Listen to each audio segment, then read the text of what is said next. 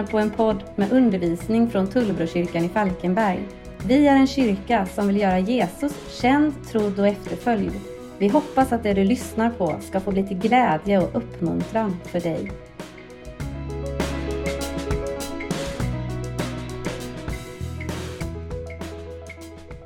De senaste åren när vi har bott här nu i Falkenberg så har jag gått på några matcher här i Falkenbergs FF i fotboll. Och nu kanske du som är säga riktigt stor fan för Falkenbergs FF, för jag ber om ursäkt, men jag är inte riktigt övertygad, inte riktigt så här imponerad av Falkenbergs FFs entréer inför en match. Det är inte så jättepampigt. Inte om man jämför med andra matcher som jag har varit. När Gamla Ullevi är smockfullt med människor och alla klämmer in i sången Snart skiner Poseidon och änglarna kommer in. Det är mäktig. Det är mäktig entré. Men det lag som jag skulle nog säga som har förstått detta att göra en mäktig entré och också säga, väcka respekt hos sin motståndare. Visa vilka man är som nu har kommit in. Det är det nyzeeländska rugbylaget. Du kanske inte har sett det, men då får du kolla upp det på Youtube så i efterhand. Men de gör något som de kallar för en haka. De ställer sig på något sätt så här och så blickar de in i sin motståndare. Och jag när jag ser det så säger jag och tänker för mig själv, jag önskar inte att jag var i motståndarlaget, för de vet att ge en mäktig entré. Och det finns ju många olika entréer i mänsklighetens historia som har gått just till historien, som vi minns. Och jag vill ta med dig denna palmsöndag till en entré. Du finner den inte på Youtube eller sociala medier på det sättet, utan du finner den i världens mest lästa bok, i Bibeln. Och just denna dag så är det så att runt om hela vår jord, över hela vår värld, så läser människor just nu om denna entré. En entré som Jesus gjorde när han rider in i staden Jerusalem. Och nu kan du få ta fram din bibel igen och följa med från Matteus evangeliet. Och det 21 kapitlet och från vers 1. När de närmade sig Jerusalem och kom till Betfage vid Oljeberget sände Jesus iväg två lärjungar och sa till dem Gå till byn som ligger framför er. Där ska ni genast finna en åsna som står bunden med ett föl bredvid sig. Lös dem och led dem till mig. Och om någon säger något till er ska ni svara Herren behöver dem. Han kommer då omedelbart att skicka iväg dem. Detta hände för att det skulle uppfyllas som var sagt genom profeten.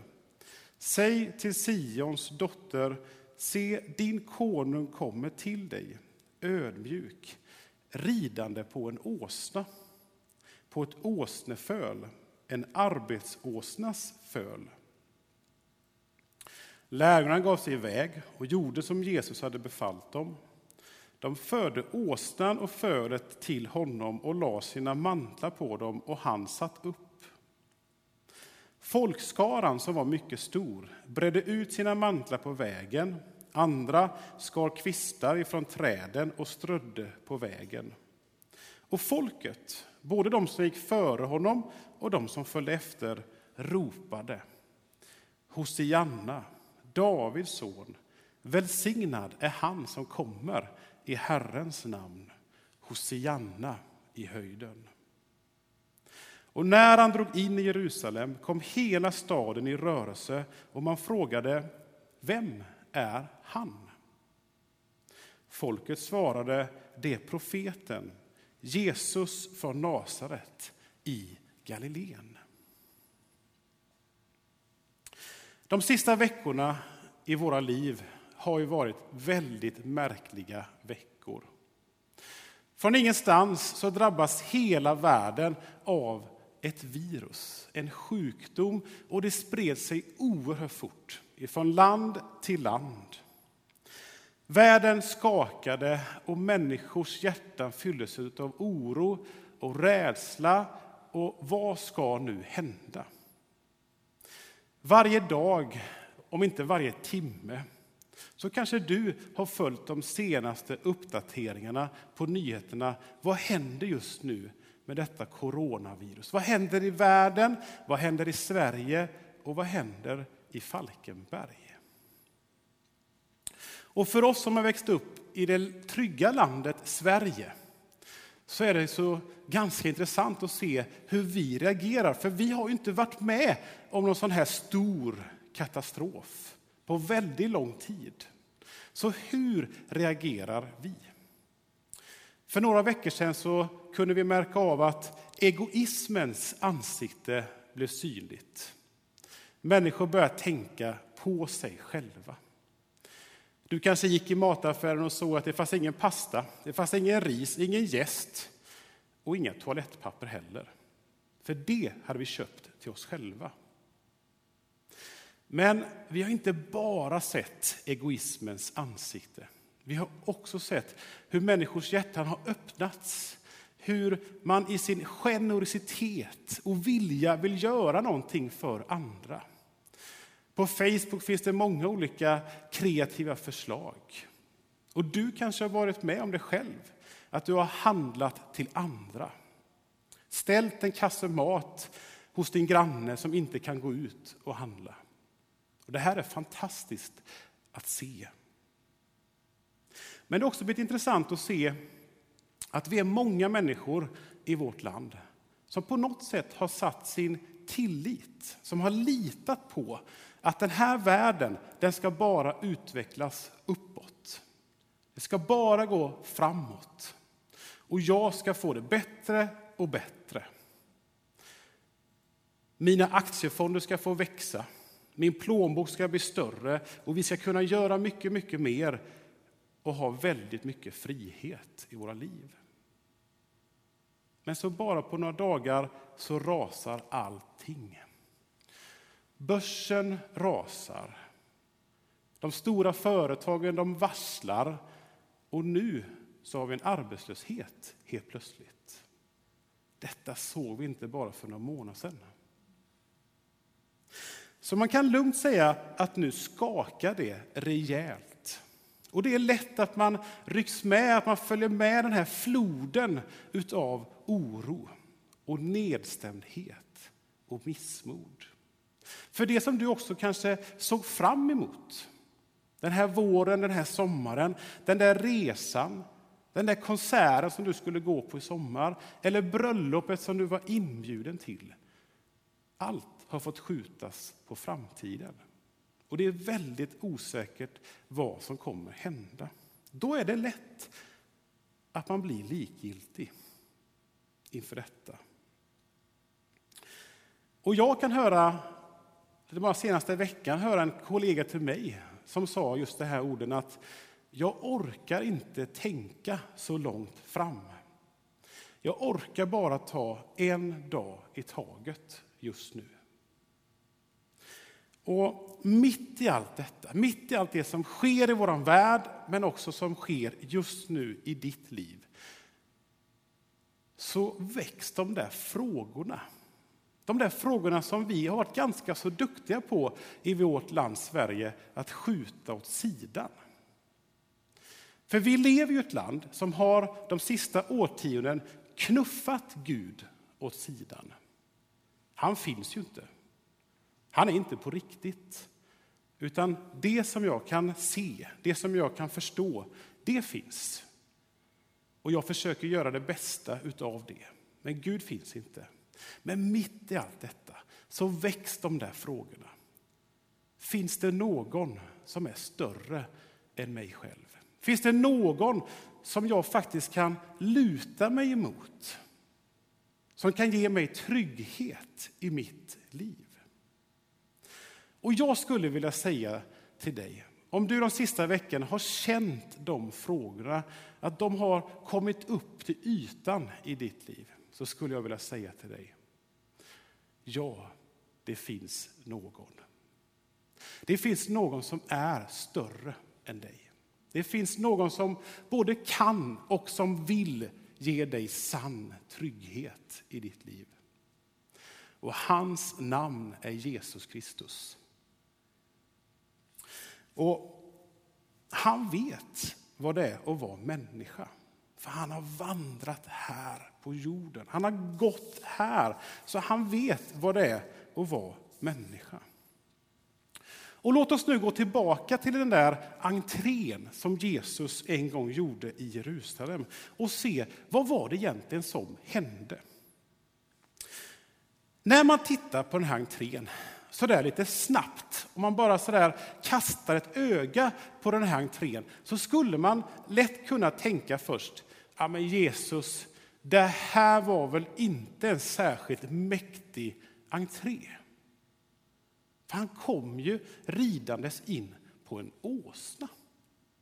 Han kunde väl valt någonting annat transportmedel än en åsna att komma in på. Hur tänkte du här nu Jesus? Så skulle man kunna tänka om man läser lite snabbt.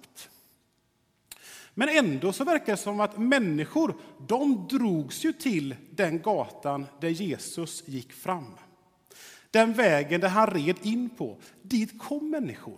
Det var som att han såg, vänta nu, vad är det som händer där borta? Ja, det kommer en man på en åsna. Det måste jag vara med om och se. Och sen så började de bryta palmblad. De tog av sig sina mantlar och la på vägen. Och det de gjorde var att de hyllade honom som kung. Som en kung som kom till dem. En räddare. En Messias som kom till dem. Och de började ropa Hosianna, Davids son. Välsignad är han som kommer i Herrens namn. Hosianna i höjden. Och det här, det här var ingen mesig entré. Det här var en entré som till och med var förutbestämd sedan lång tid tillbaka. Flera författare, profeter i Gamla testamentet, de såg att detta skulle komma. De visste om det för flera hundra år innan Jesus red in. Profeten Jesaja han skriver så här i kapitel 62 och vers 11. Herren förkunnar över hela jorden. Säg till dotter Sion, och Sion det är ett annat ord för staden Jerusalem. Säg till dotter Sion, se, din räddare kommer. Sin segerlön har han med sig. Och de han har vunnit, de går framför honom. De ska kallas det heliga folket, de som Herren befriat. Och du ska heta den man söker sig till, staden som aldrig blir övergiven. Och Sefania han skriver i kapitel 2 och vers 10. Gläd dig och jubla, dotter Sion. Se, jag kommer och tar min boning hos dig, säger Herren. Och till sist, Sakarja skriver så här i kapitel 9 och vers 9. Ropa ut din glädje, dotter Sion. Jubla, dotter Jerusalem. Se, din konung kommer till dig. Rättfärdig är han och seger är honom given. I ringhet kommer han, ridandes på en åsna, på en ung åsnehingst. Så om man först tänker att det här var en mesig entré, Jesus, så var det inte det. Då har vi missförstått det helt och hållet. Och för det första så var det inte mesigt på den här tiden att sitta upp och rida på en åsna. Nej, tvärtom. I flera olika riken där i Mellanöstern på den här tiden så var faktiskt åsnan ett riddjur som kungar red fram på. Så när Jesus sitter där på åsnan och rider in så tänker inte någon människa som var med, äh, men vad håller han på med?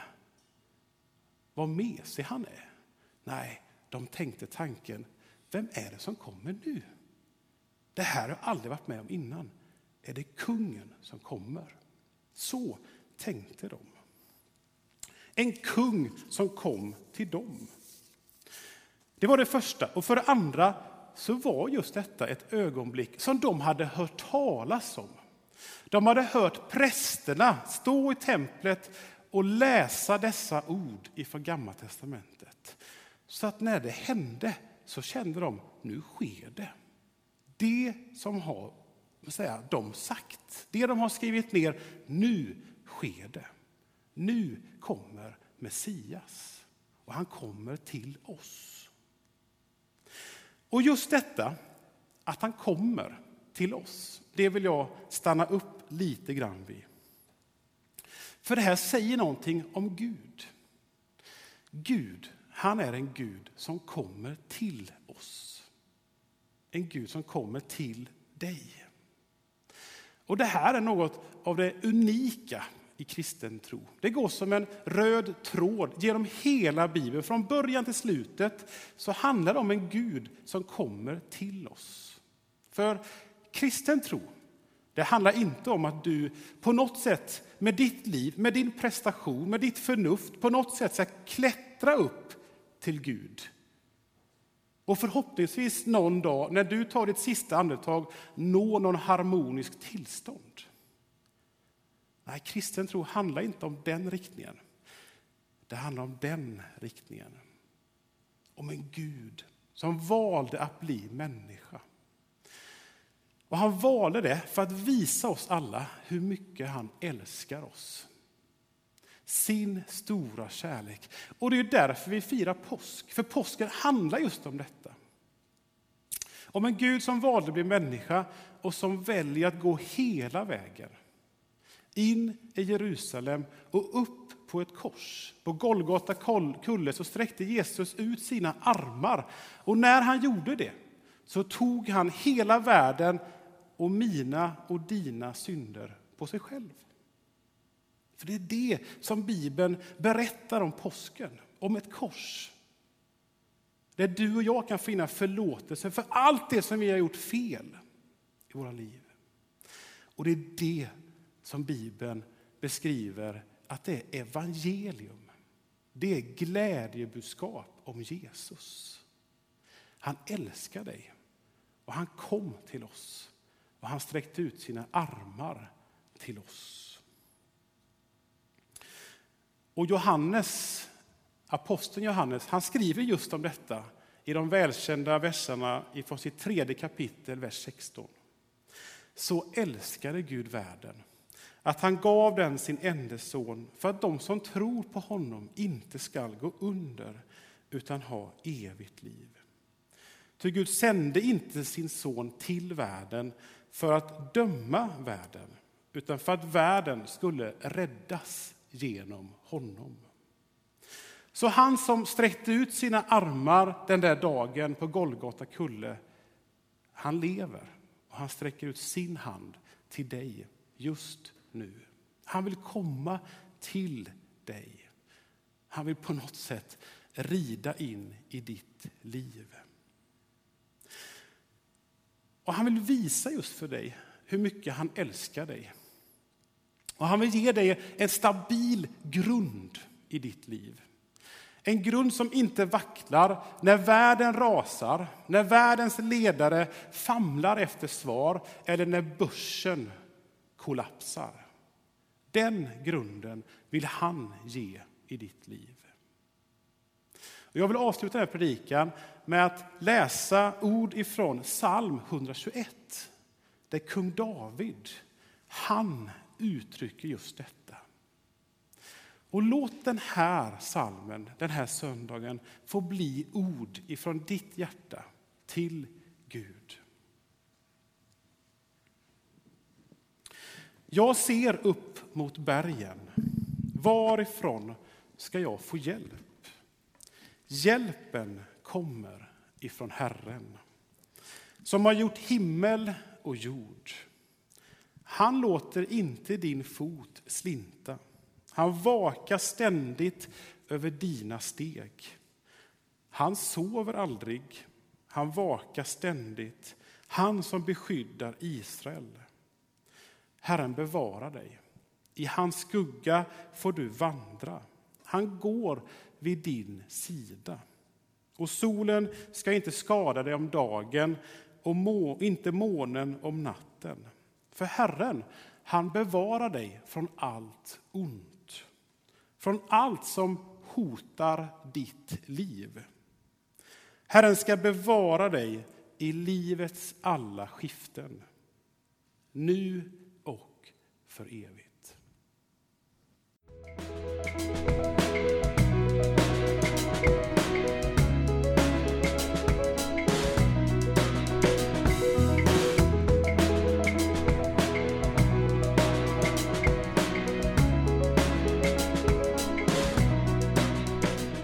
Du har lyssnat på en podd från Tullbrokyrkan. Du är alltid välkommen till våra gudstjänster på Halmstadvägen 5 i Falkenberg. Besök oss gärna på tullbrokyrkan.se för mer info eller sök på Tullbrokyrkan på sociala medier.